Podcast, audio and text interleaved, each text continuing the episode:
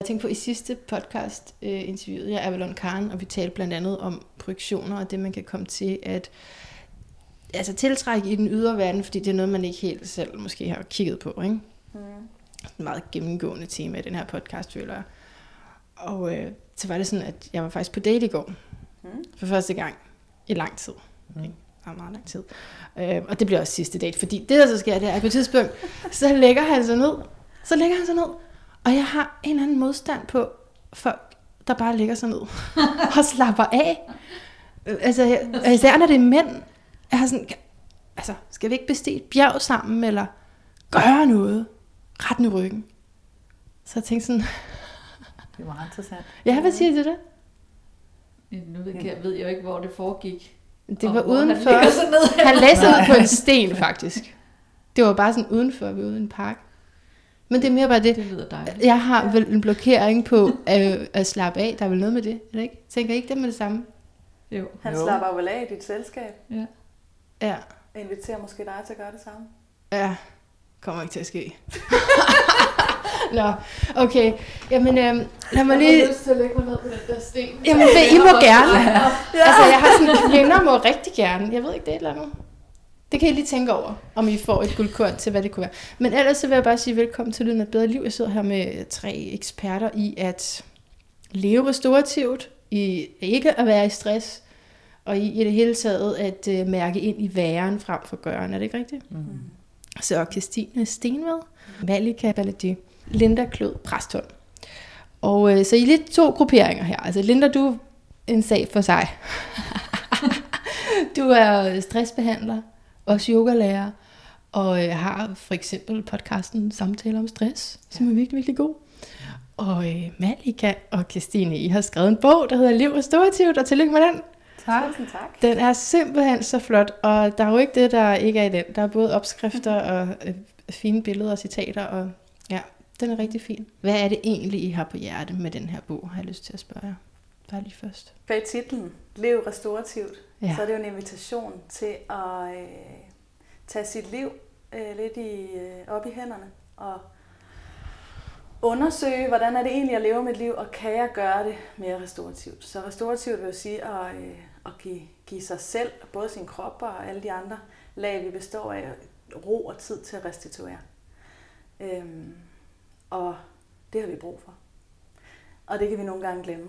Øhm, så øh, det vi egentlig øh, har oplevet, at restaurativ yoga kan, det er, at når det får lov til at komme ud af yogasalen, øh, og ikke være noget, vi gør halvanden time om ugen hen i en eller anden yogasal, og så kører vi 120 timer resten af ugen. Men noget, der ligesom går ind og bliver en måde at leve på, en livsstil. Øhm, Havde I timet, at den skulle komme ud lige her, hvor Danmark lukker ned, og er nødt til at være indenfor? Nej, altså, Nogle andre havde måske tegnet Det tror jeg. os. ja, det, det virker sådan, fordi egentlig havde jeg skulle været ude inden jul. Mm-hmm. Fordi det tænkte vi, det er super smart, fordi så kan folk købe den i julegave måske. Men det ville den bare ikke. Der var hele tiden et eller andet, der var, Ja. nej, men så skulle den lige være færdig, og det kunne den ikke, og så nåede de ikke det, og dit og dut og dat. Og så kommer den ud 5. februar. Det er rimelig tæt på øh, den boble, vi så er inviteret ind i lige nu. Så øh, måske er der nogen, der synes, at, at det var et godt tidspunkt. Det Ja. synes vi selv. Ja. Men altså, på den anden side kan man også sige, at et hvert tidspunkt er godt, fordi at det er helt klart et redskab, der kan bruges, Mm. eller i hvert fald undersøges af, af mange, uden at decidere at have nogle kendskaber til yoga som sådan. Altså, Fordi Det- restaurativ yoga mere er, at man går ind og lægger sig på en pude. Altså ja, det kan man godt sige sådan provokerende. Altså, Nej, det var der- faktisk ikke, jeg kunne godt se, at jeg lige fik blikket faktisk, det var faktisk ikke min provokerende. Nej, nej, men, men, men det er fordi, er der det er, vi hørte også under vores uddannelse at sige, jamen, altså, hvad skal vi så lave, hvis vi bare skal ligge ned og Mm. indtil at man har ture invitere sig ind i den tidslomme. I at restaurativ yoga handler om at vidderligt at åbne op til at mærke, hvad er det egentlig, der foregår. Hvordan trækker jeg egentlig vejret? Hvordan har min krop det egentlig?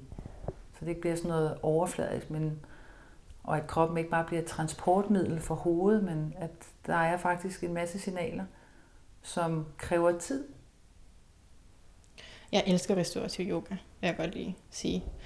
Og jeg synes, det er virkelig godt, at der nu er kommet en bog med nogle indsigter i filosofien bag, fordi det netop godt kan bare se ud som om, at man ikke laver noget, men, men hvor I lige sådan kommer ind på, hvad man dybere kunne komme i kontakt med. Jeg tænkte på, om jeg må spørge jer til et sted i bogen, som hedder Skillevejen i dit autonome nervesystem. Mm.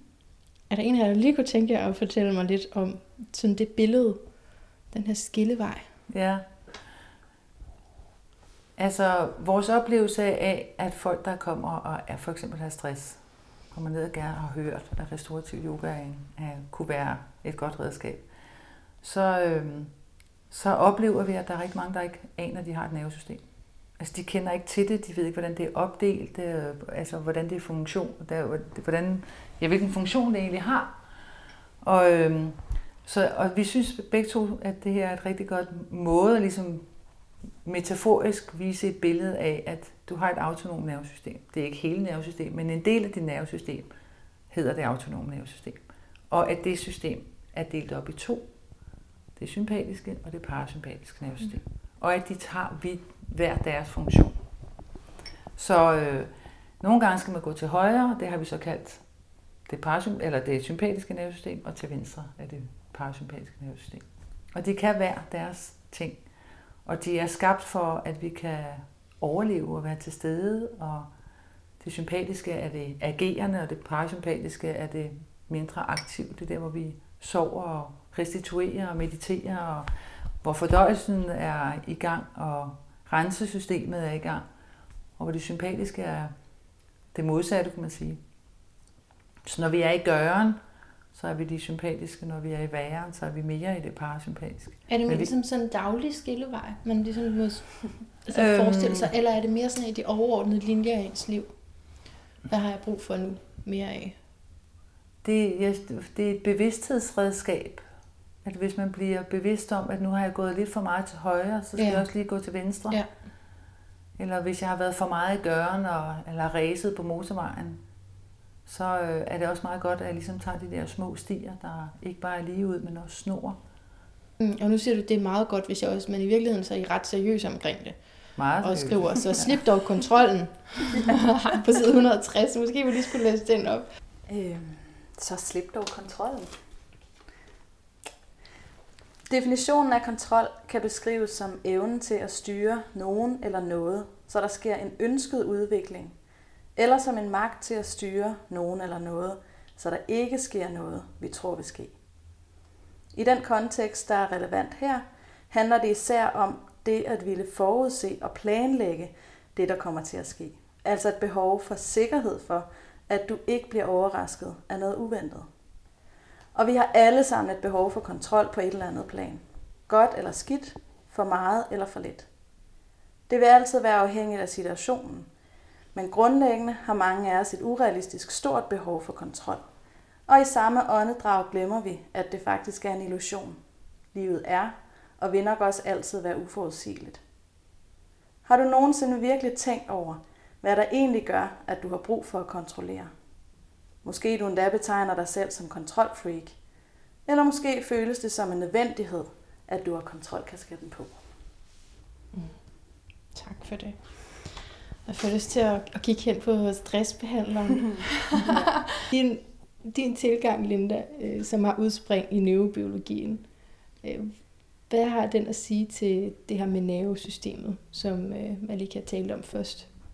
Jamen, det taler jo fuldkommen ind i, i det samme, som jeg gør. Altså, det er jo Faktisk bruger jeg rigtig meget tid de første mange gange, jeg ser klienter om at tale om nervesystemet. Netop fordi, okay. som du sagde, at der er mange, der ikke er, øh, er opmærksomme på det. At vi faktisk har et autonomt nervesystem, og autonomt, det betyder jo, at det er autonomt.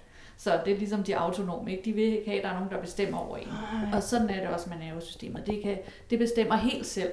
Så det bestemmer ja. selv, hvornår det skal være ude og være farne og lave alt muligt og, og slappe af. Altså så det, det kører det selv, men vi kan jo selvfølgelig hjælpe det på vej. Så det vil sige, hvis jeg hele tiden render rundt og laver noget, øh, så skal jeg herhen til Manna, og så skal jeg ud og købe ind, og så skal jeg måske se tre veninder i aften, og så skal vi også i biografen, og så skal jeg også lige nå at løbetræne, inden jeg går i seng. Det er ikke fordi, at det er noget, jeg gør, men det kunne være, at det var sådan. Det har jeg i hvert fald prøvet at være sådan tidligere i mit liv. så har jeg sat det sympatiske nervesystem i gang hele tiden. Øh, og så kommer vi jo, streger vi aldrig til, hvilken vej var det? Venstre. Venstre. øh, og så, øh, så kommer jeg simpelthen, hvis ikke det sker, hvis jeg hele tiden er over i højre, så kommer jeg aldrig over i en, øh, en restitution. Det vil sige, at øh, min fordøjelse går øh, meget sandsynligt snart amok, fordi at øh, mit fordøjelsessystem får ikke lov til at fordøje maden. Øh, øh, mine celler healer sig ikke. Øh, de gør det i det parasympatiske mode, det gør det ikke i den sympatiske. Så alle de her livsstilssygdomme, de kommer højst sandsynligt af, at vi overhovedet ikke får slappet af. Så jeg bruger rigtig meget tid på at tale om nervesystemet med mine klienter. Så den neurobiologiske tilgang betyder, at øh, jeg ikke snakker så meget om uden om alt det her, hvad kan give stress og hvad kan ikke give stress, fordi det er jo fuldkommen individuelt.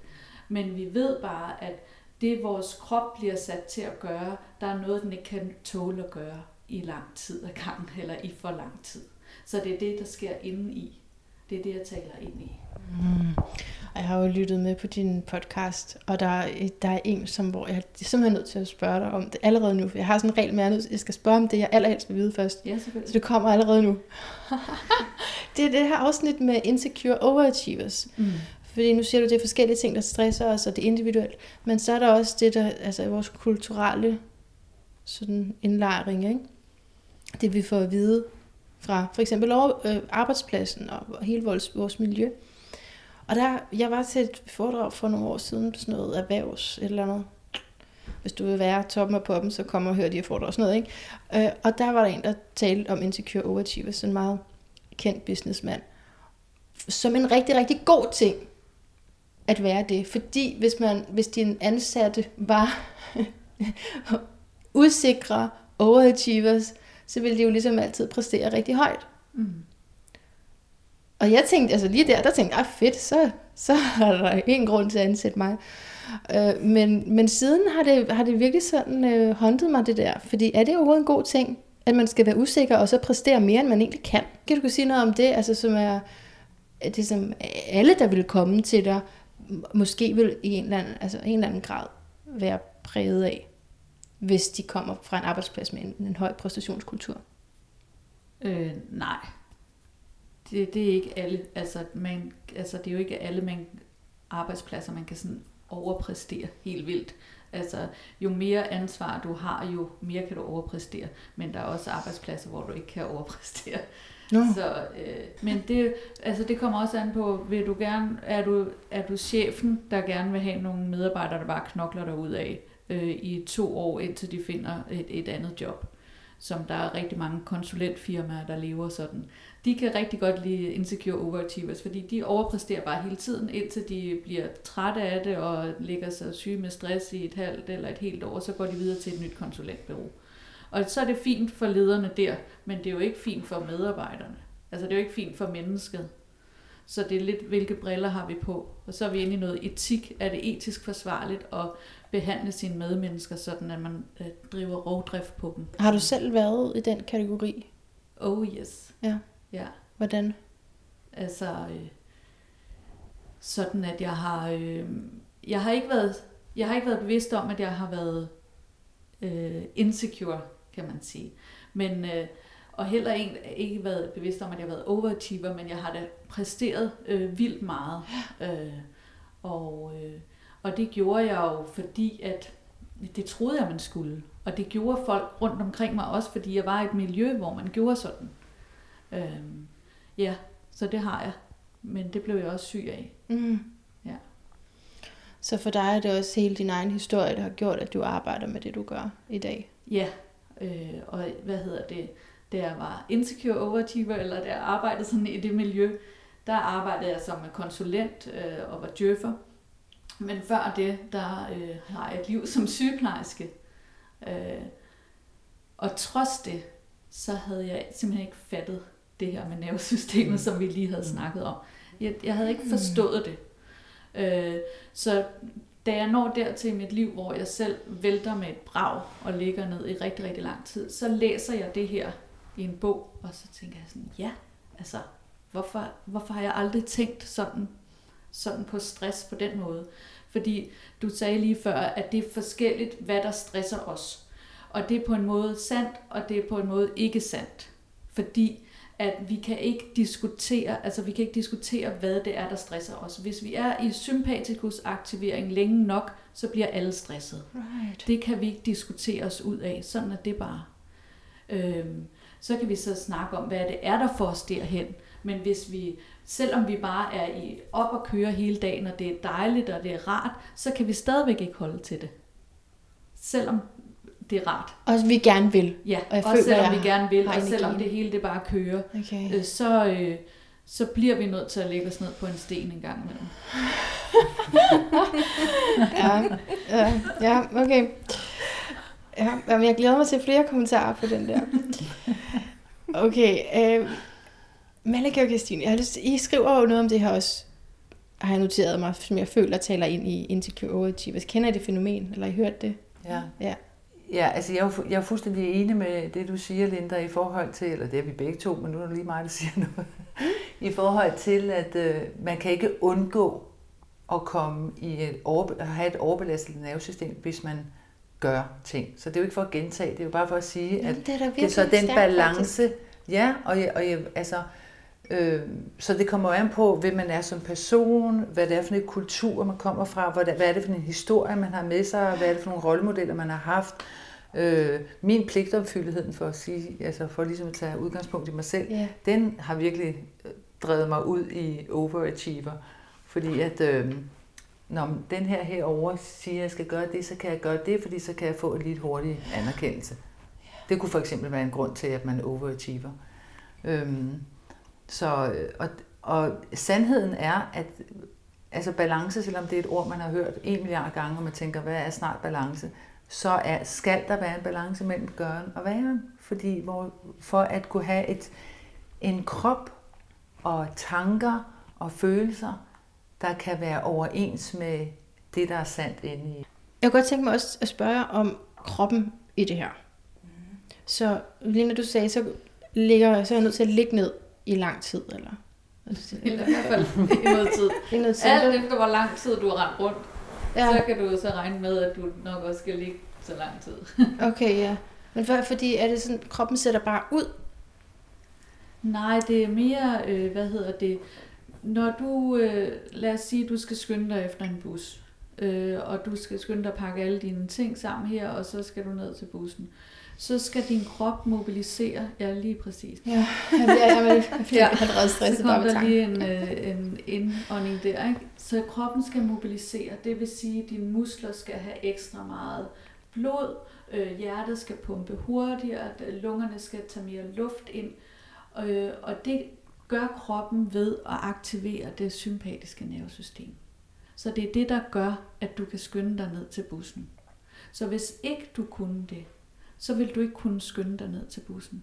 Så vil kroppen simpelthen ikke kunne mobilisere alt det her. Og lige sådan, når du så er nået dertil ind i bussen, og så kan det være, at det bare var det, du skulle nå. Det er jo dejligt. Og så resten af din aften ser bare helt rolig ud. Så slår nervesystemet over i parasympatikus. Og så begynder pulsen at lægge sig, og blodet kommer tilbage til dine tarme og fordøje maden osv. Så hele kroppen er jo med i den her stressaktivering. Så det er både vigtigt at kunne, og samtidig så er det, altså jeg får kommet i kontakt med, at jeg bare kan fordrage at have så travlt der. Det er forfærdeligt at skulle løbe efter bussen. Jeg arbejder jo også ud fra mm. den tilgang, der hedder det tredelte nervesystem. Mm. Øh, og det betyder faktisk, at den, der hedder parasympatikus, og jeg, der er nogen, der siger, at det sympatiske det sympatiske del af nervesystemet skulle hedde asympatisk, fordi det er det, der mm. giver dig stress. Men jeg tænker altid på det som parasympatikus, det er ligesom parkering. Ja. Så det parasympatiske, der har du parkeret, ikke? Okay, ja. Men at det parasympatiske faktisk har to grene. Og det vil sige, at der, det har det øh, så den normale afslappende gren, men så har den også en, den kan aktivere, hvis du har været for stresset for lang tid. Så går den ind i den, der hedder den dorsale parasympatikus aktivering, og så kollapser du. Så nu ligner du ikke en, der er kollapset, men det kunne det være, hvis du føler det sådan, nu jeg kan ikke mobilisere mere, jeg kan ikke øh, gå hen i en stresstilstand mere, så kunne det være, fordi du havnet i en kollapset tilstand. Når kroppen ikke kan bevæge sig. Ja. Ja. Hvad har jeg... Nu digter jeg lige her. Vi har et langt manuskript, som jeg gerne vil igennem. Men, eller spørgsmål, jeg gerne vil stille. Men jeg har lige lyst til at spørge, så hvad, hvad med forberedelsen før kollapset? Forstår I det her tidspunkt? Det kunne potentielt være nu for mig. Men det, så føler jeg faktisk ret tit, at, altså, at jeg er lige ved. Mm. At det lige- nu, ah, nu lige, skal du lige til at sige nej til nogle ting der. Fordi at du kommer til at løbe for meget rundt. Hvad, hvad siger I til det stadie? Kender I det stadie? Ved I, hvad jeg mener? Mm. Det er jo, Ja. det, er jo det, det, er jo det, Det er det- stadie, hvor du står ved skillevejen, ikke? Og, øh, og, og er stoppet op måske. Okay, ja. Fordi nu er du registreret, jeg, ja, det kan godt være, at jeg ligger og kører derovre til højre. Øh, måske skal jeg ligge og køre lidt til venstre. Altså, det er jo det er derfor, vi har skrevet den her bog. Det er jo for, at, at, at man netop kan, kan lære sig selv og sin krop og sit sind og sine signaler at kende, så du ikke kollapser. Eller hvis du kollapser, så ved du, hvordan du kan rejse dig igen. Hvordan ved jeg... Ej, jeg føler, at jeg har stillet det her spørgsmål før, men hvordan ved man, om man er lige ved at få stress? Det Det- siger du selv nu. Ja. Du, kan, du siger jo Ja. selv, at jeg kan mærke, at... Altså, Jamen, det gør jeg meget tit, Ja, så det er jo også blevet en normal tilstand. ja, men der er måske nogle vaner, øh, som skal genovervejes, mm. eller... Mm. Øh, øh, altså, mange, mange, mange, hvis ikke... Det er lidt farligt at sige alle, men jeg vil i hvert fald våge den påstand, at 98 procent af de stressede folk, jeg har mødt, har vidst, at de var på vej et sted hen, hvor de gjorde for meget. Mm. Altså hvor de løb for hurtigt, eller sagde ja til for mange ting, eller ikke lyttede til deres grænser, og mm. godt vidste, at når de sov heller ikke så godt, og de spiste heller, egentlig heller ikke særlig godt, og kom for sent i seng år, år, år. Så underbevidstheden, eller det, den intuitive stemme, har været forbi, men gøren, så kan jeg lige nå det, jeg kan også lige nå det, jeg kan også lige, jeg kan også lige og lige og lige. Og lige pludselig så siger kroppen, prøv at høre din sødskat, jeg kan mærke og sanse og fornemme, at du siger ikke stop, så nu siger jeg stop for dig. Det kunne være en måde at forklare det på. Ikke? Mm. Det, altså, det er jo selvfølgelig før, og nogen kollapser, altså der, og andre får virkelig hæftige symptomer, som gør, at, at, øh, ja, at de, ikke, de ikke kan noget, men det er før kollapset. Men det gør det jo kun, hvis vi går ud og skaber en ubalance i det. Er der for lang tid, kan man sige. Ikke? Eller, ja, præcis. Ikke? Altså tidsmæssigt, der, der, er, ja, der er man lidt for meget i det. Det er jo faktisk med til, at det kan jo give en masse hormoner. Altså dengang sabeltigeren var efter os, så var det rigtig godt, Mm. at det kunne skubbe alt blodet ud til musklerne og give dig tunnelsyn, og øh, man skulle overhovedet ikke tænke på, at man skulle på toilettet eller fordøje noget som helst. Eller, så havde du bare kræfter nok til at bevæge dig væk, eller fryse og lade som om du var død, men i hvert fald sørge for, at jeg bliver ikke til et af den her sabeltiger. Mm. Så du fik lige et skud adrenalin, wow, og så kunne du komme væk eller gøre det, du nu skulle, og så var faren over, og så kunne du komme tilbage til, dit, til, til, et normal, til en normalisering igen, men så var faren over. Problemet er bare, at nu vores far, den er øh, overalt. Det vil jeg rigtig gerne tale om. Jeg vil rigtig gerne tale om den kultur der. Følelsen af aldrig at nå i mål. Altså jeg, jeg beskæftiger mig jo rigtig meget med den del også i min stressbehandling. Altså jeg er lidt kritisk over for vores samfund og vores samfunds øh, ja, strukturer og kulturer og så videre. Øh, og det er måske øh, en ting kan være det der med aldrig at nå i mål, men øh, en anden ting er simpelthen bare, at vi forlanger for meget af hinanden. Vi forlanger for meget af folk på arbejdspladserne. Vi forlanger for meget af os selv. Øh, vi tror hele tiden, vi skal gøre alt muligt, øh, hvis vi skal poste et eller andet øh, på de sociale medier, så tror vi, det skal være noget af noget, vi har gjort. Det er ikke nok bare, og medmindre vi lige har fået lakeret neglene selvfølgelig, så kan vi godt poste et billede af vores fødder, men ellers så skal vi have gjort et eller andet. Ikke? Mm. Øh, så, så det er mere det, at vi forlanger, altså hvad vi forlanger hinanden og os selv, tror jeg. Men rigtig meget på arbejdsmarkedet. Der er jo de sidste 20 år, det har jo kun handlet om besparelser, besparelser og besparelser, samtidig med, at vi har fyret en masse mennesker alle steder. Ikke? Så alle folk skal lave meget mere, end de kan. Og når de skal det, så kommer man hen i en sympatikus aktivering alt for meget. Man får ikke, og plus den måde, vi arbejder på, sådan i gamle dage, tænker jeg, hvis man var sekretær eller sådan noget, ikke, så skulle man sende et brev, slik på konvolutten, gå hen til post, postkassen, og så skulle man gå tilbage, og så skulle man lige snakke med nogen på vejen, ikke? Og, eller også så skulle man lige hen købe nogle frimærker. Det, det forestiller mig, at det kunne være meget rart. Men i dag, så, så er det helt en mail, og så videre, klik, og videre til det næste. Så hovedet får aldrig den der pause. Effektiviteten Ja. kommer før. ja. Du har sådan et fint interview med Rasmus Willi, som jeg også vil anbefale om fleksisme og en bog, han har skrevet om det, hvor I taler om den udefra kommende internaliserede kritik. Mm-hmm. Ja, det som Rasmus han snakker om, det er også øh, hele strukturen i vores samfund, hvordan at øh, øh, det som før var en, vi kunne øh, ytre vores kritik om noget i samfundet, eller over for vores arbejdsgiver, den er så blevet internaliseret, det er det, han siger. Sådan så jeg kan ikke engang brokke mig over nu, at øh, jeg kan ikke nå det her, eller de her opgaver, det, er, det virker for meget for mig.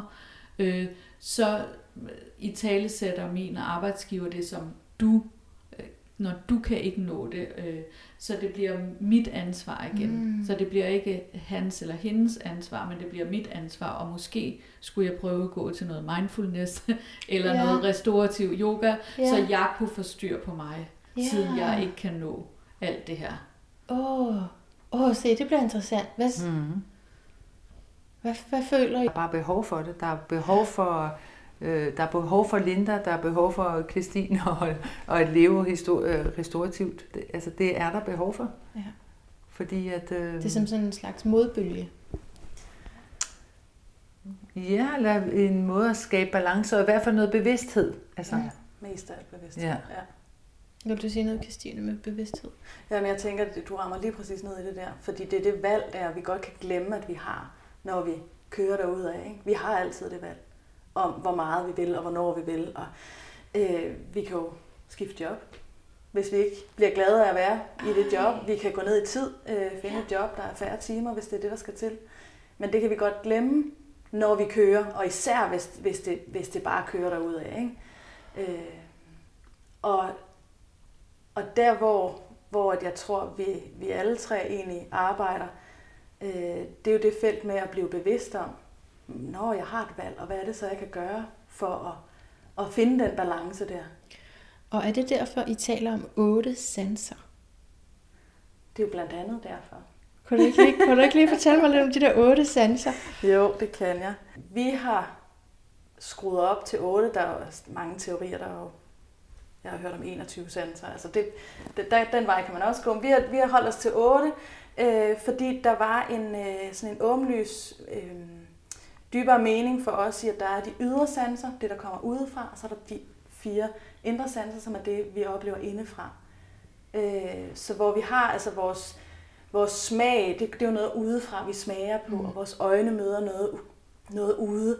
Men, men når, vi, øh, når vi går ind i for eksempel den 8. sans, vores øh, interoception, vores indre kropsbevidsthed, så kommer det indenfra. Og evnen til at sanse ind og mærke ind, er mindst lige så vigtig som at kunne smage, hvad vores mad smager af. Ja. Så derfor har vi, har vi skruet op til 8. Skal jeg gå dem igennem? Ja, hvad er, de? Ja. hvad er de fire, siger du? Hvad kan, ja. Altså, så de fire ydre, vi har, det er jo vores synsans, det vi ser, det er lydene, det vi hører, det er vores smagsans, og det er vores lugtesans. Når følesansen, den ligger lidt og kan godt være, fordi det kan både være øh, vinden selvfølgelig, men det er stadigvæk en, øh, i høj grad en sansning indenfra. Når vi oversætter til restaurativ yoga, så er det jo for eksempel sansningen af, hvordan føles det her tæppe mod min hud. Ja. Altså, så den, den sansning, det er bare et tæppe. Ja, lige præcis. Ja. ja. Øhm, så har vi jo vores vestibulære system, altså i forhold til at fornemme vores, øh, vores balance, øh, selv når man ligger ned i restaurativ yoga, så er der jo også en, en, en, en sansning af, jamen, hvordan er jeg egentlig placeret lige nu. Øh, det kan godt være, at, at yogapøllen ligger lige, men måske føles det ikke sådan i min krop. Måske har jeg brug for, at den lige bliver drejet 2 mm den ene vej. Ikke? Øhm, og så vores ydre og indre kropsbevidsthed, som, øh, som øh, jeg tror er kommet til os øh, inden for de sidste år, ikke? Øh, via vores lærebog for proprioception og interoception, altså den her bevidsthed om indefra, hvordan er, min, hvordan er der i min krop lige nu. Både placeringen, fornemmelserne i min krop, men også, skal jeg tisse? Skal jeg tisse meget? Skal jeg tisse lidt? Hov, der var lige en smerte der. Øj, nu strammer det lidt der. Hov, nu slap det der. Altså, så den der sansning indefra. Jeg får lyst til at sige, fordi I har jo, så I har den her uddannelse sammen med restaurativ, man kan jo uddanne, men I har taget en masse uddannelser, hvor I så har, er blevet ved med at møde hinanden. Ja. ja. Er det rigtigt? Jo. Hvad er det for noget, tror jeg? Det kan man kalde et kald, ja. Ja. Mm. Der er Sådan fald, føltes øh, det, sådan ja. føltes det, da det, da det, altså vi mødtes jo, det har vi jo ikke aftalt, vi mødes igen på en anden uddannelse, og igen. Ja. Ja. Det har alt sammen noget med yoga og mindfulness, og, men så mødes vi faktisk også på en restaurativ yogauddannelse. Mm. Øhm, og så skal vi lave noget, der hedder soul gazing på et tidspunkt, hvor at vi skal kigge hinanden dybt i øjnene, og ligesom sidde over for hinanden og holde hinanden i hænderne, og så Og der Lad- er masser af tid. der er masser af tid. Vi- skal bare lade det ske, være, der ja. sker. Og så øh, kommer der meget smuk historie fra Christine, og vi får begge to den der fornemmelse af, at, at vi enten kender hinanden et andet sted fra, et måske et andet liv, ja. hvis man skal bevæge sig derud, og at skal vi skal noget, men det er udefineret. Mm. Ja. Og så skilles vores veje faktisk. Og i, I nogle år, i, i nogle faktisk, år ja. er, vi, er vi overhovedet ikke sammen. Og så ringer Christine en dag og siger, Hvad, øh, skal vi ikke lave en restaurativ yogauddannelse sammen? Jo, selvfølgelig skal vi det. og pling, hun har ligget i mig i mange, mange, mange år, men øhm, ja, men der var også bare connection der, så det var jo Mm. fantastisk. Bogen har ligget dig i mange år. Ja, jeg har altid vidst, at jeg skulle dig. skrive en bog, men jeg anede ikke om hvad. Altså, jeg har ingen fornemmelse om, hvad, hvad det var. Og så pludselig så... Det kunne jeg godt have fortalt dig, hvis du havde vist mig dit rigtigt. Ja, det kunne være fedt, du bare lagde hele mit horoskop. alting ånd. og virkelig meget 12. hus. Ja, det, ja. Nå, men det er rigtig godt. Det er rigtig godt. Øh, vi kan da godt lige snakke lidt horoskop, skal vi det? Altså, det er jo fordi, nu har jeg jo tre, jeg har kigget på jer. Men så kommer jeg til at blande det rundt, hvis jeg skal prøve. øh, Så, så jeg har egentlig bare tænkt mig lige at sige, at øh, øjeblikshoroskopet for, hvornår vi møder hinanden, og det er sådan et trick, man kan bruge, hvis man ikke ved, hvornår man er født, så kan man se på øjeblikshoroskopet. Og ascendanten på øjeblikshoroskopet, den er jomfru. Er det ikke sjovt? Nå, altså det er jo for, ja. fordi det står for, altså for, for sundhed, for eksempel. For sunde rutiner, for healingsarbejde, og også en, en vis kritisk sans, altså for at diskriminere imellem, hvad vi skal spise, og hvad vi ikke skal spise, og hvad vi skal gøre, og hvad vi ikke skal gøre. Det er faktisk det, jomfruen gerne vil rense sig, gøre sig selv, så forberedt som muligt, Mm. så der kan flyde noget højere igennem. Og så, er, så skal man så se på øh, herskeren over ascendanten, og den er i vædder, Nå, som er, som er din ascendant der. Ja. Øh, vædder, så, så det, det, det kunne jeg, der har jeg da forestillet mig, at der nok kom sådan nogle sandheder på bordet, ikke? altså sådan lidt direkte. Det er sådan lidt min fordom. Og så i 8. hus, så, så om noget, der virkelig betyder noget. Det, og så peger du på bogen. ja, vi peger på jeres bog. Det, det Ja, er men- derfor. Det vi snakker om jo, ikke? Det er altså, det, det. vores samfund og den måde, vi lever på. Ja.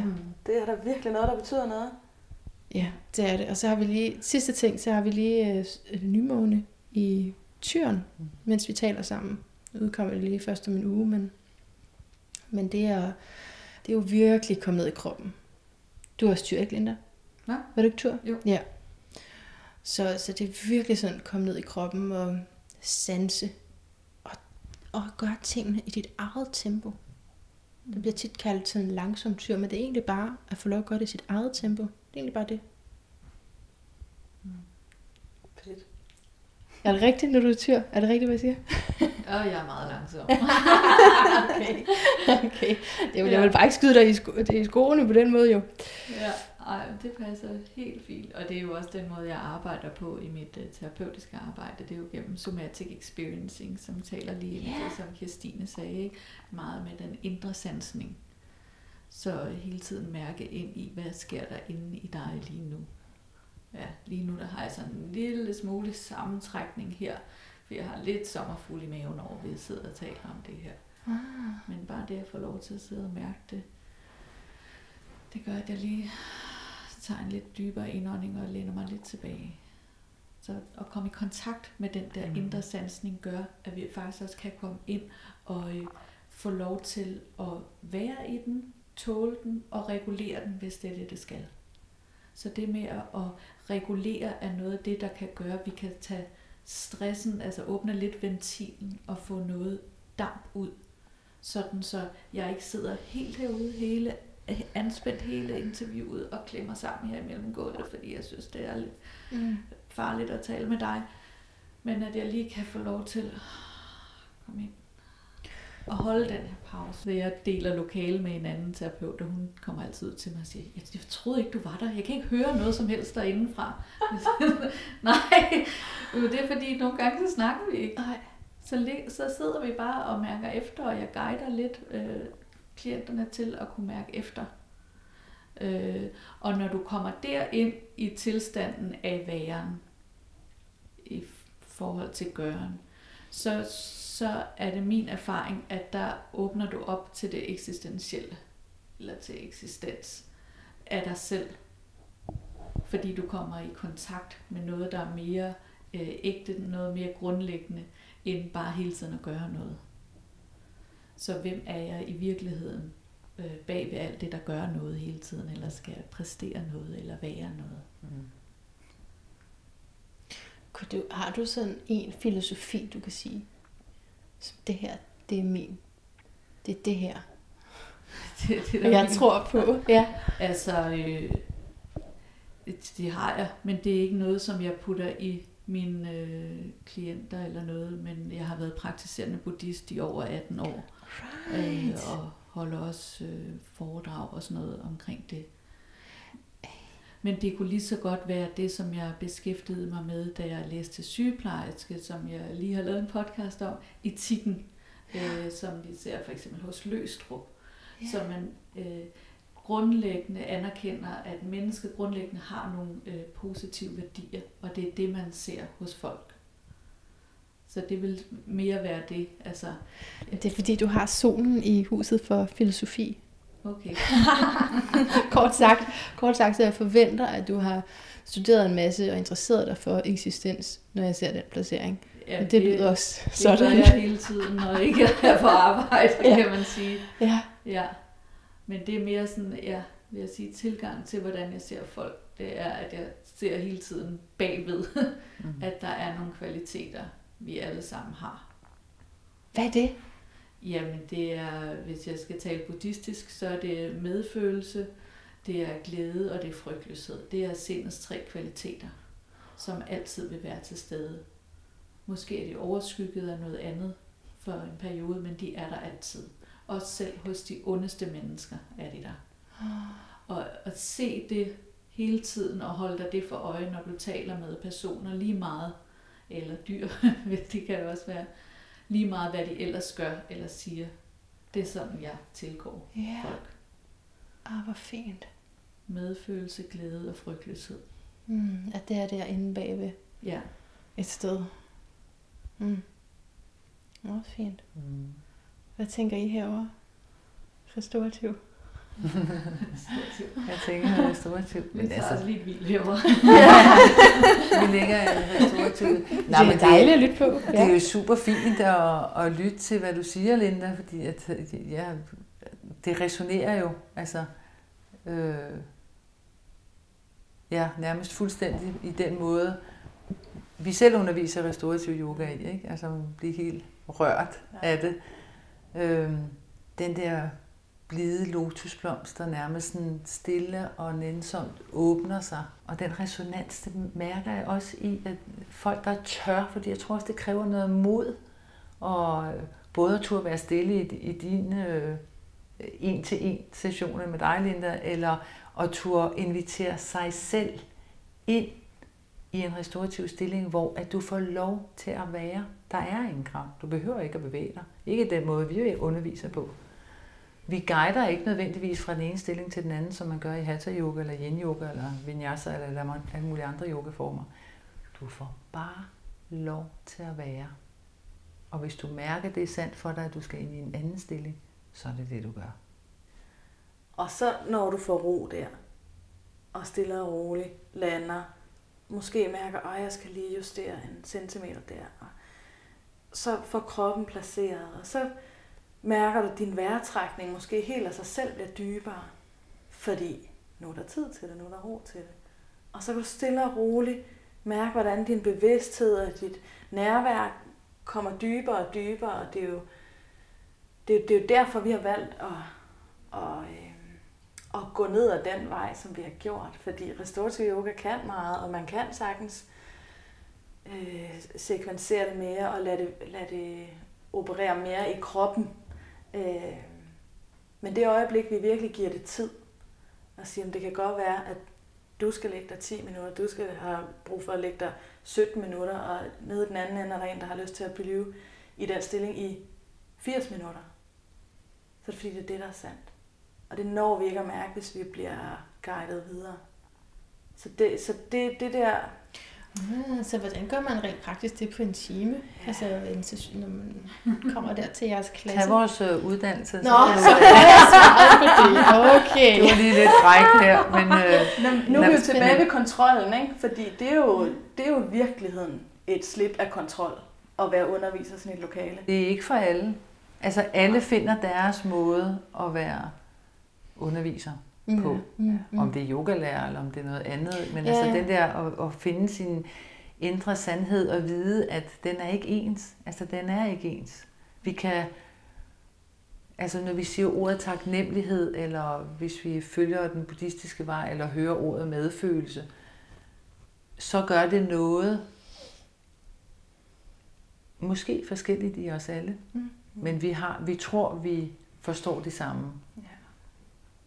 Men altså, hvis vi egentlig tog os tid til vidderligt at snakke om, hvad er det medfølelse gør ved dig eller ved dig? Vi slet ikke forstå hinanden, det kan godt være. Nå, men altså, vi vil måske udtrykke det på forskellige måder, eller hvis vi skulle tegne eller male det, ja. så ville der komme fire forskellige udtryk. Jo, det er sandt. Og at, at give plads til det. Ja, ja det er det, der Både som underviser eller ja som være menneske ja. i det hele taget. Ja, jamen det, det er ja, godt sagt. Og det du spørger ind til, det er jo også, hvordan det helt praktisk foregår. Ja, det var det, jeg lige og, tænkte på. Og, og vi, vi guider jo ikke, øh, vi guider ikke kroppe på den måde. Nej, okay. Så vi, det er jo det, der rent praktisk sker, at vi, vi fortæller ikke, nu skal du gøre sådan, og nu skal du gøre sådan i bevægelser, okay. eller nu skal du flytte dig ind i den stilling. Nej, okay. Det bliver mere en, øhm, en indre guidning i måske er der mm-hmm. plads mm-hmm. til et dybere øh, åndedrag lige her, hvor du ligger nu.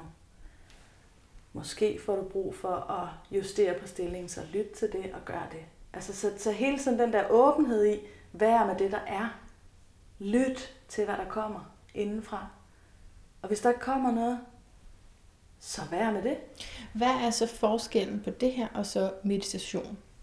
Altså, forskellen er vel, at man så i højere grad får kontakt med sin krop går ud fra. Mm. Ja. Helt sikkert. Men jeg synes, det lyder som noget af formålet er, lyder meget meditationsagtigt. Ja. Det, det smelter jo også lidt ind over hinanden. Ja. Øh, alle mulige yogagrene, ikke? Men det er jo... Men der er ikke ret mange mennesker. Man skal være ret trænet for at kunne sidde i øh, 90 minutter, eller hvor lang en yoga ja. time nu er, og, og ikke at få nogle, nogle spændinger eller ømheder i kroppen. Så, så der, går, der går restaurativ yoga jo ind og, og støtter kroppen. Linda, hvad anbefaler du for nogle, hvad anbefaler du for nogle praksiser til mennesker, der er stresset? Det kommer an på, hvor de er øh, i forhold til det, jeg talte om med, øh, er du en sympatikus mest? Altså er du sådan, det jeg nu begynder at kalde opkørt, eller er du udkørt? Er du kollapset? Opkørt eller udkørt, det kan jeg jo lide. Ja. Så øh, hvis du er opkørt, så vil jeg øh, helt klart sige, så tag hen til en restaurativ yoga-time. Det, der kan ske, når du er udkørt, det er, at du kan have en, når du så kommer ned i gear, så kan der hos nogen rejse sig sådan en stressaktivering op, som kommer som angst. Mm. Og derfor kan der være nogen, der kan have rigtig meget problemer med at ligge stille. Det kan være, at der ligger nogle bagvedliggende traumer, eller bare virkelig slem stress. Øh, Så der er nogen, og det har I garanteret også nogle værktøjer til, men det kan jeg jo ikke vide, om folk har. Og jeg har øh, haft klienter, som ikke kan tåle restorativ yoga, fordi det trigger angst, eller det trigger nogle øh, kropslige reaktioner, som de ikke kan håndtere. Så man kan komme derhen, hvor det er noget andet, der skal til. Ja. Først i hvert fald. Ja. Øh, og det, der, det kan jo godt være, at de er heldige at komme til jer, som kan øh, gøre det, men øh, det, kan, det ved jeg jo ikke Nej. nødvendigvis. Nej, nej, der findes mange øh, yogasteder, du også, og måske mange, der gør det online og sådan noget, ikke? Så Ja, ja. Og, situationer, hvor man ikke bliver holdt på samme måde. ja. Så det, det, kan være, øh, det kan være lidt tricky.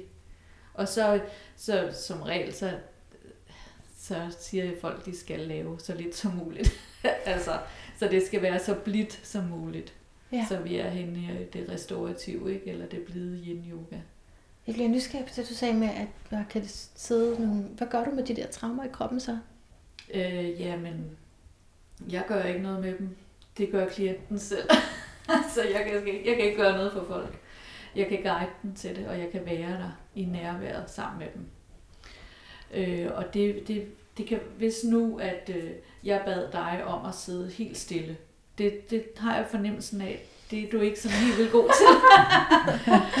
så på et tidspunkt, så vil der være et eller andet i dig, der vil sådan køre op, øh, og du vil begynde at spænde i, i halsen, eller hvad ved jeg, ikke? Og så kunne vi så snakke lidt om det, hvad er det, der sker lige nu? Jamen, jeg mærker en spænding her i halsen, og siger, prøv lige en gang at lægge mærke til, om der er noget, du har lyst til at gøre. Jamen, jeg har lyst til at bevæge mine arme. Okay, så gør vi det, men vi gør det stille og roligt.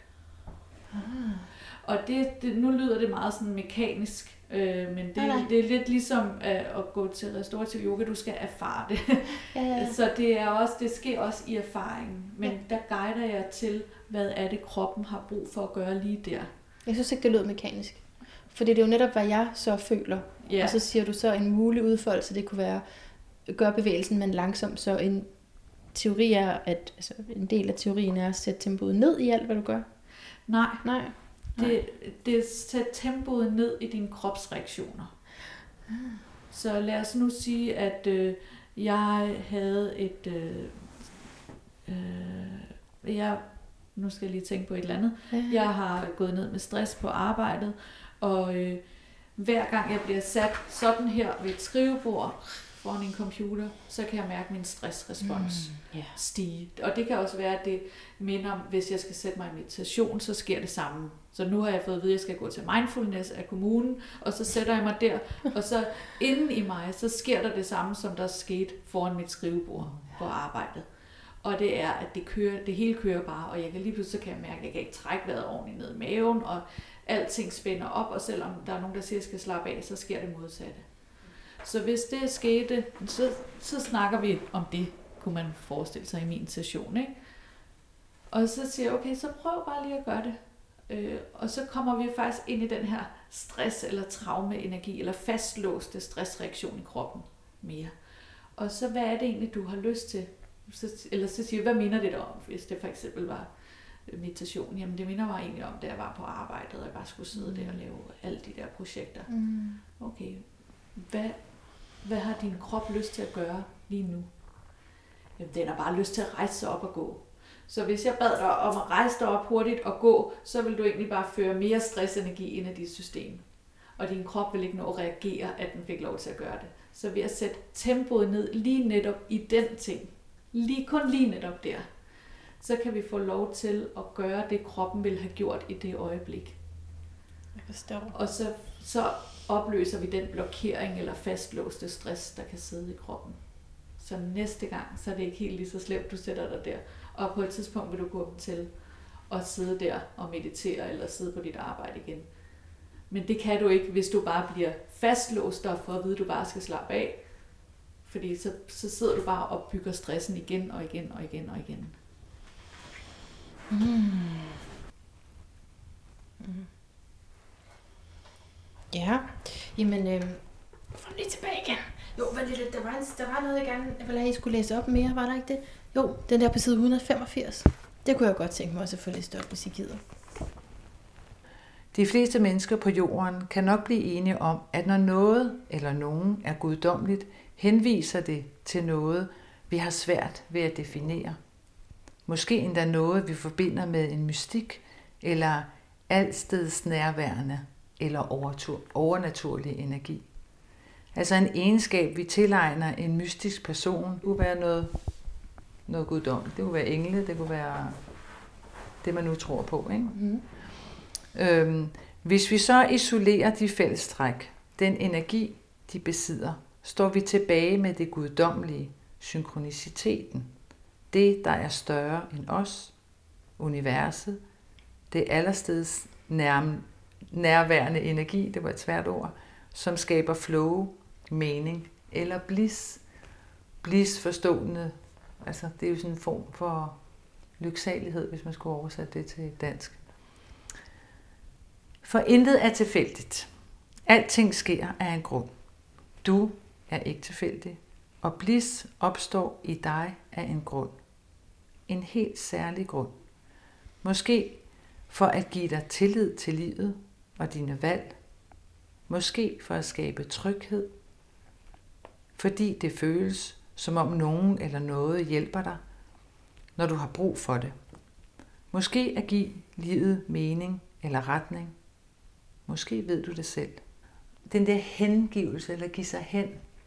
Og jeg tror også på den der tillid til, at når vi læner os tilbage til moder jord, og bliver, mærker, at vi bliver støttet. Ja, skal jeg også sige. Det er ja. også mere en oplevelse. Ja. Jeg kom i tanke om en, øh, som jeg så, da jeg var næsten allermest stresset, øh, som øh, var min psykolog og i dag også min supervisor.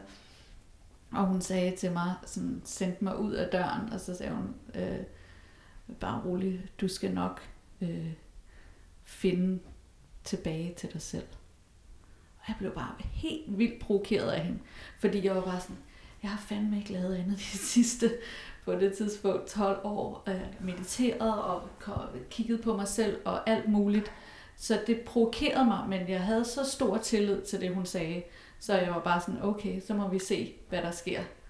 Og det er lige præcis det, som altså jeg kom til at tænke på da du læste, ikke? fordi når man kommer ind i den der erfaring, så er det også, eller for mig i hvert fald, kan det være en erfaring af at komme tilbage hjem til sig mm. selv igen. Mm.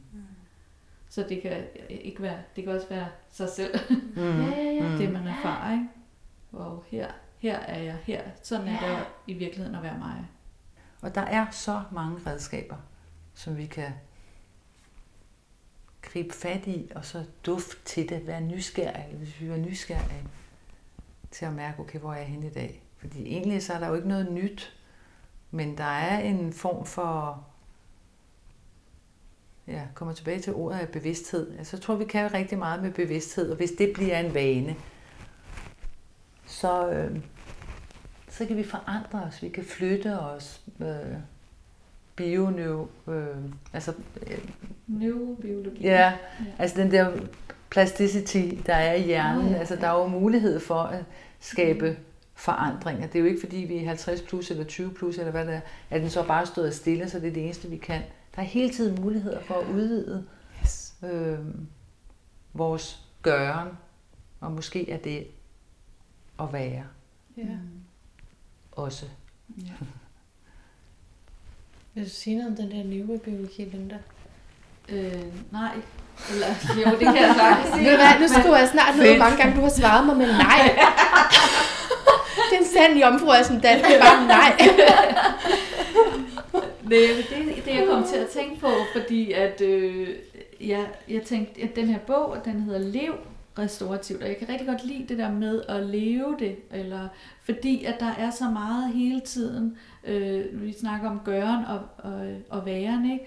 Der, altså, alle de her ting, der er kommet ud de sidste 10-15 år, mindfulness, yoga, bla bla bla, det er blevet, altså det er blevet til sådan et gørenredskab. Så går du ned med stress, så skal du gøre noget mindfulness, så skal du gøre noget yoga, og så skal du ellers tilbage i trædemøllen så hurtigt som muligt. Og hvis ikke du klarer det, så må du gøre noget mere af det her yoga, og du må gøre noget mere mindfulness. Mm. Sådan så det er blevet sådan et redskab til, hvordan vi skal kunne udholde det her usunde, vi lever i. Øh, hvorimod, at hvis man gør det her rigtigt, som vi skriver, så tager man det ind som en livs, livsstil, og så har man ikke brug for øh, at gøre det som en antidot, tænker jeg. Har du egentlig kun haft stress en gang? Øh, nej, jeg har haft stress hele livet. okay. En lang gang. Og det er jo også derfor, at det, for mig så har det også været ændrende for mit liv, så det gør jeg ikke mere. Jeg brænder ikke mit lys i begge ender mere. Flot. Det er godt. Det skal vi også støtte hinanden i. Ja. Mm. Ikke at...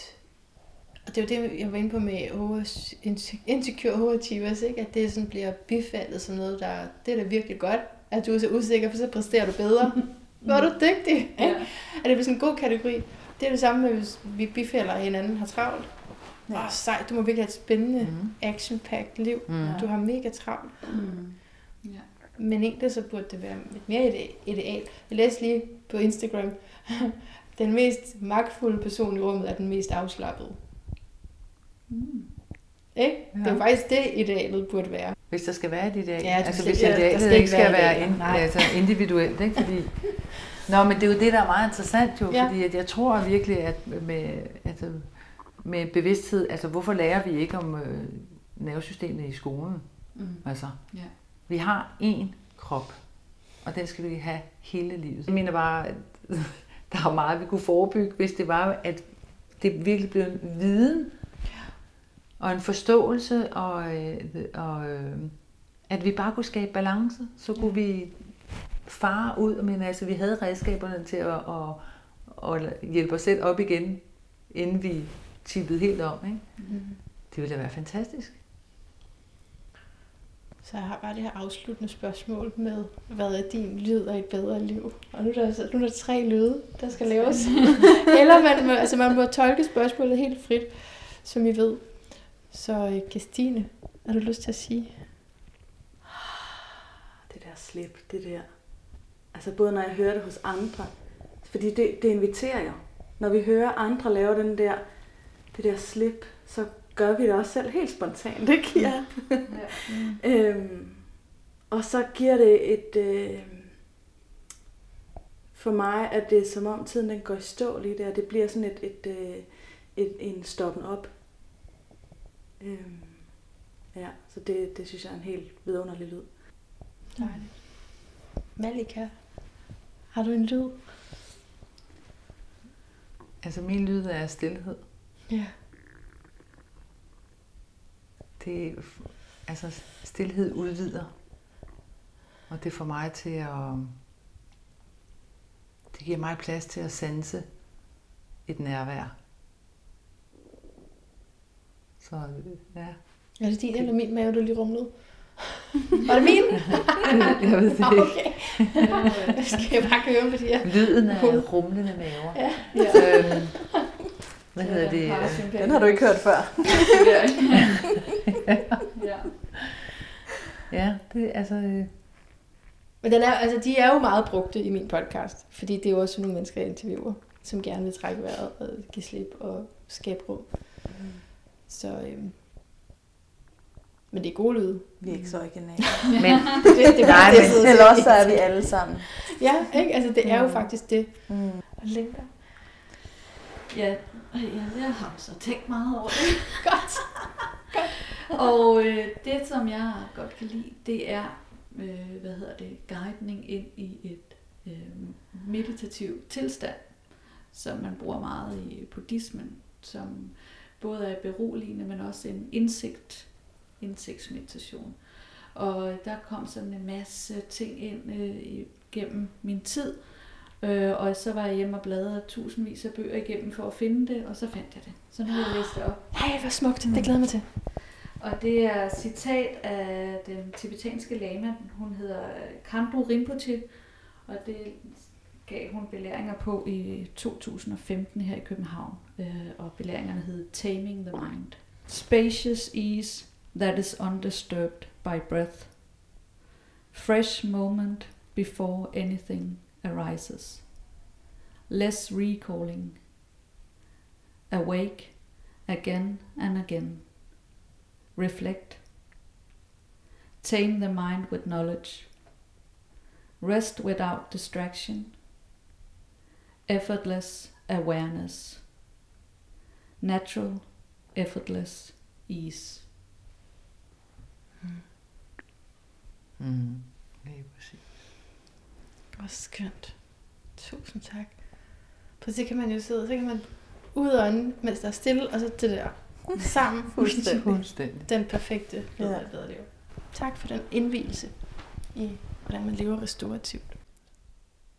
Af hjertet tak, fordi du har lyttet med. Du er nu hele vejen igennem interviewet og trådt ind i outroen, min managulære producentens tid, hvor jeg taler om dette og hint, som jeg finder nogenlunde relevant for det, vi lige har talt om her. Først vil jeg bare lige sige, at hvis du synes, det lyder lidt sammenklippet der i starten, hvor jeg siger deres navne, så er det fordi, at det er det også. I the actual moment kunne jeg finde ud af at sige et ud af tre navne. Og ja, det er mig, Manna, der gerne vil både på radio og på tv med det her program, ikke? Og så kan jeg ikke engang finde ud af at sige folks navn. Det er ikke første gang, det sker. Det er sket rigtig mange gange, og det er blevet rigtig, rigtig pinligt for mig, især når jeg ikke har haft mulighed for at klippe det ud. jeg har Chiron i tvillingen, uden at sige meget mere om den specifikke sammenhæng, så hvis man har det, så er der en gammel hukommelse omkring, at altså, virkelig blive såret på, ikke at være klog nok, ikke at tale rigtig nok, ikke at helt at måtte sige de ord, som nu kommer ud.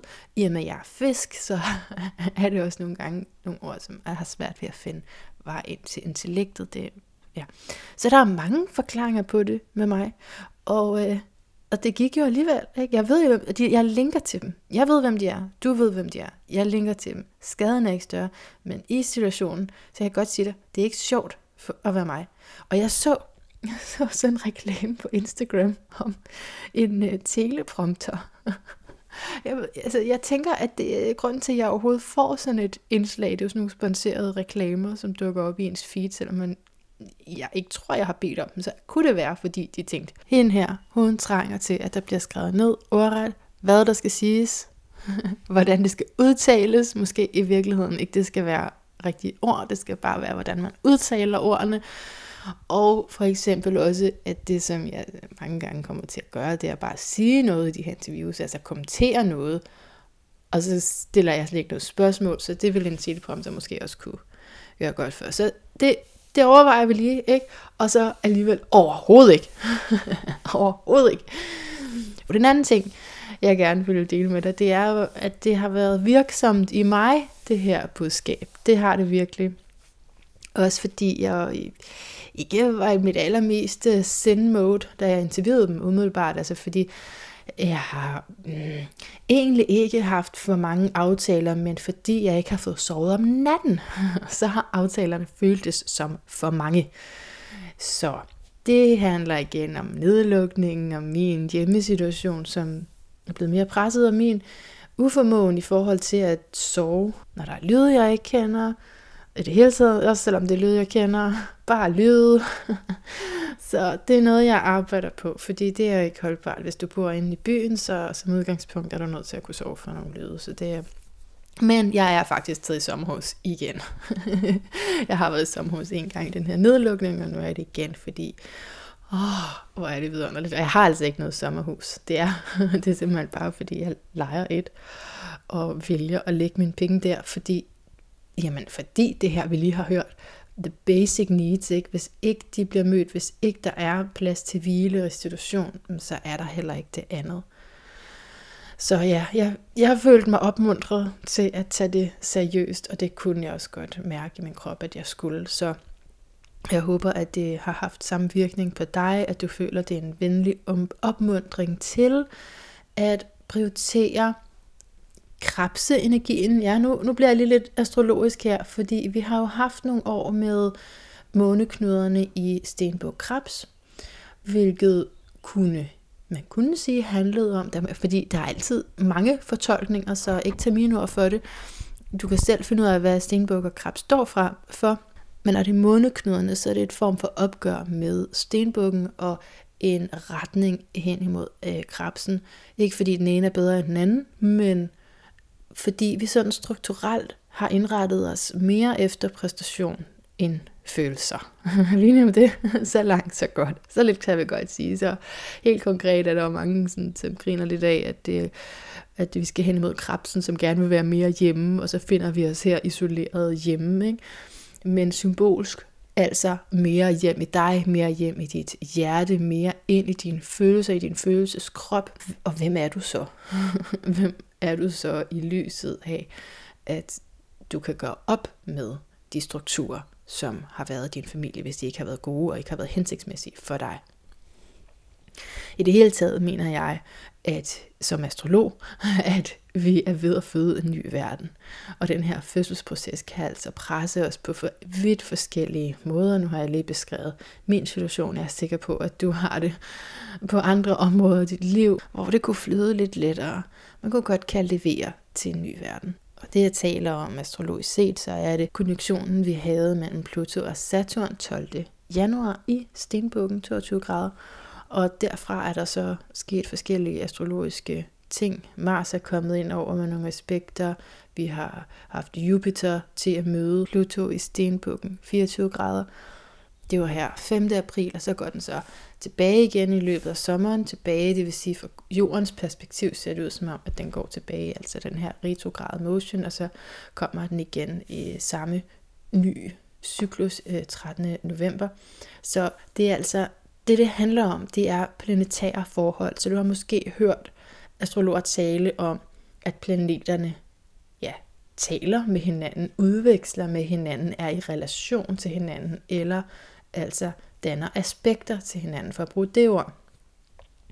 Og hver gang der er et aspekt, så er der også en fase, altså enten en øh, ny, en fuld, eller en Øh, sluttende fase, der er sådan set, man kan inddele det i otte, så nu nævnte jeg ikke lige alle sammen, for jeg ved faktisk ikke engang de danske ord for det, så jeg skal være helt ærlig. Men anyway, der er nu, det her år er fyldt med nye faser, med vigtige planeter, som danner nye faser, og som går ind i nye cykluser med hinanden. Så derfor er det spændende, hvad der kommer til at ske. Uranus i tyren, altså Øh, det, ja, øh, det handler om, om magt, øh, stenbukken, en ny magtstruktur, ikke? og en bedre brug, en innovativ brug af vores ressourcer, kan man sige med Uranus i tyren. Øh, men præcis hvad, det ved jeg i hvert fald ikke. Øh, så vi kan se på det i forhold til, hvordan det påvirker den enkelte, og så kan vi forholde os derfra. Men i det hele taget må vi være klar over, at vi ved at føde noget nyt, så vær god ved dig selv. Vær god ved dig selv. Det var faktisk bare det, jeg vil sige. Vær rigtig, rigtig, rigtig god ved dig selv. Fordi der er noget på vej. Der er noget på vej. Hmm. Ja, så igen bare tak for at være med her. Hvad der præcis sker i næste uge, det er jeg ikke helt øh, klar over endnu. Jeg har spurgt en, som måske, hvor vi måske laver et interview online, eller også så laver jeg nogle ene episoder, fordi det interview, jeg skulle have, det har jeg simpelthen rykket. Det er så strengt, ikke? Men det har simpelthen rykket, fordi jeg har brug for at prioritere mig selv. Jeg har brug for at komme ned og ud i naturen, lave yoga herude, og læse astrologi og, og bare ro. Børn, glæde, kærlighed, og ikke øh, øh, støj om natten, som har været min store hemsko ved den her tid. Så hvis du hører det her inden næste uge, så er du velkommen til at skrive til mig, hvad du godt kunne tænke dig. Det kunne også være interessant. Du, du, du, du. Jeg ved, hvad man er for forslag. Indtil vi høres ved igen, gentænk alt. Især måske, om du lever restaurativt og lytter til din egen indre sande stemme.